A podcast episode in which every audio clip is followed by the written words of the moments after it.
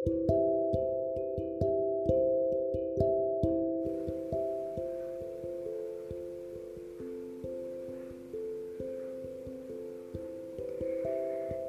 malam anak-anak.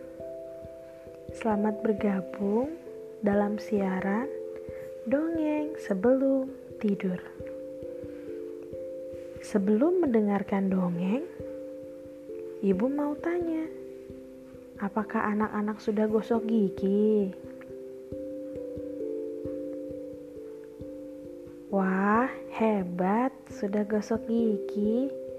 Bagi yang belum, Jangan lupa untuk gosok gigi ya. Nah, sekarang waktunya kita untuk dongeng sebelum tidur.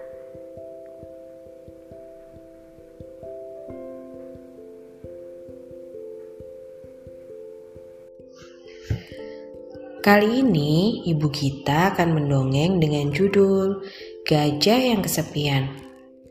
Seekor gajah gendut duduk termenung di tepi sungai. Wajahnya murung karena ia melihat pantulan dirinya di permukaan air sungai. Hah, betapa gendutnya badanku ini, keluhnya. Karena memiliki tubuh yang besar, gajah gendut tidak memiliki teman. Teman-temannya takut jika terinjak kakinya yang besar. Selama ia hidup, ia sangat kesepian. Pada malam nanti, beberapa hewan akan berpesta di hari ulang tahun Nona Merak. Namun, gajah tidak diundang. Ia tidak diundang karena rumah Merak tidak muat menampung badan gajah. Maafkan aku, gajah. Tubuhmu sangat besar Rumahku tidak akan muat jika kau hadir. Aku harap kamu bisa mengerti, kata Merak menjelaskan.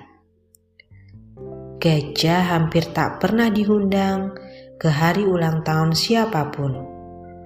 Tubuhmu itu gendut, kata hewan-hewan lain. Bahkan mereka tega menertawakan tubuh besar gajah sebagai bahan cemoohan gajah gendut, gajah bengkak. Ledek penghuni hutan. Huh. Gajah menghela nafas mengingat tentang hal itu. Di tepi sungai tiba-tiba datanglah seekor burung merpati hinggap di pundak gajah. Kenapa kau bersedih gajah? Tanya burung merpati. Gajah pun akhirnya bercerita betapa sedihnya ia. Aku tidak memiliki teman. Mereka semua takut berteman denganku karena takut terinjak. Sebagian meledek tubuhku yang gendut, cerita gajah. Mendengar itu, burung merpati pun menghibur gajah dengan berkata, Suatu hari tubuhmu yang besar akan bermanfaat bagi makhluk lainnya. Benar saja, malamnya saat gajah melewati rumah merak, terdengar keributan di sana.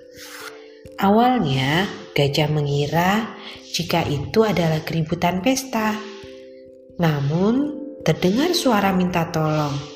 Tolong, tolong, tolong. Rupanya pesta ulang tahun merak tersebut kacau karena kedatangan seekor harimau.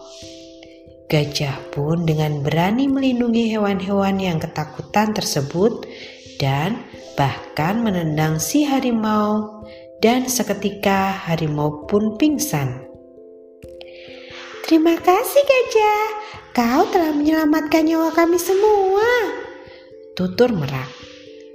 Sejak saat itu, binatang-binatang lain mau berteman dengan gajah dan gajah pun memiliki banyak teman di hutan. Anak-anak, dari cerita yang kita dengar, kita belajar untuk tidak pilih-pilih teman dan tidak boleh meledek teman karena ukuran badannya. Sekian dongeng sebelum tidur untuk malam ini. Sampai bertemu di dongeng berikutnya. Sebelum tidur, jangan lupa berdoa dulu ya. Selamat tidur, selamat beristirahat. Tuhan Yesus memberkati.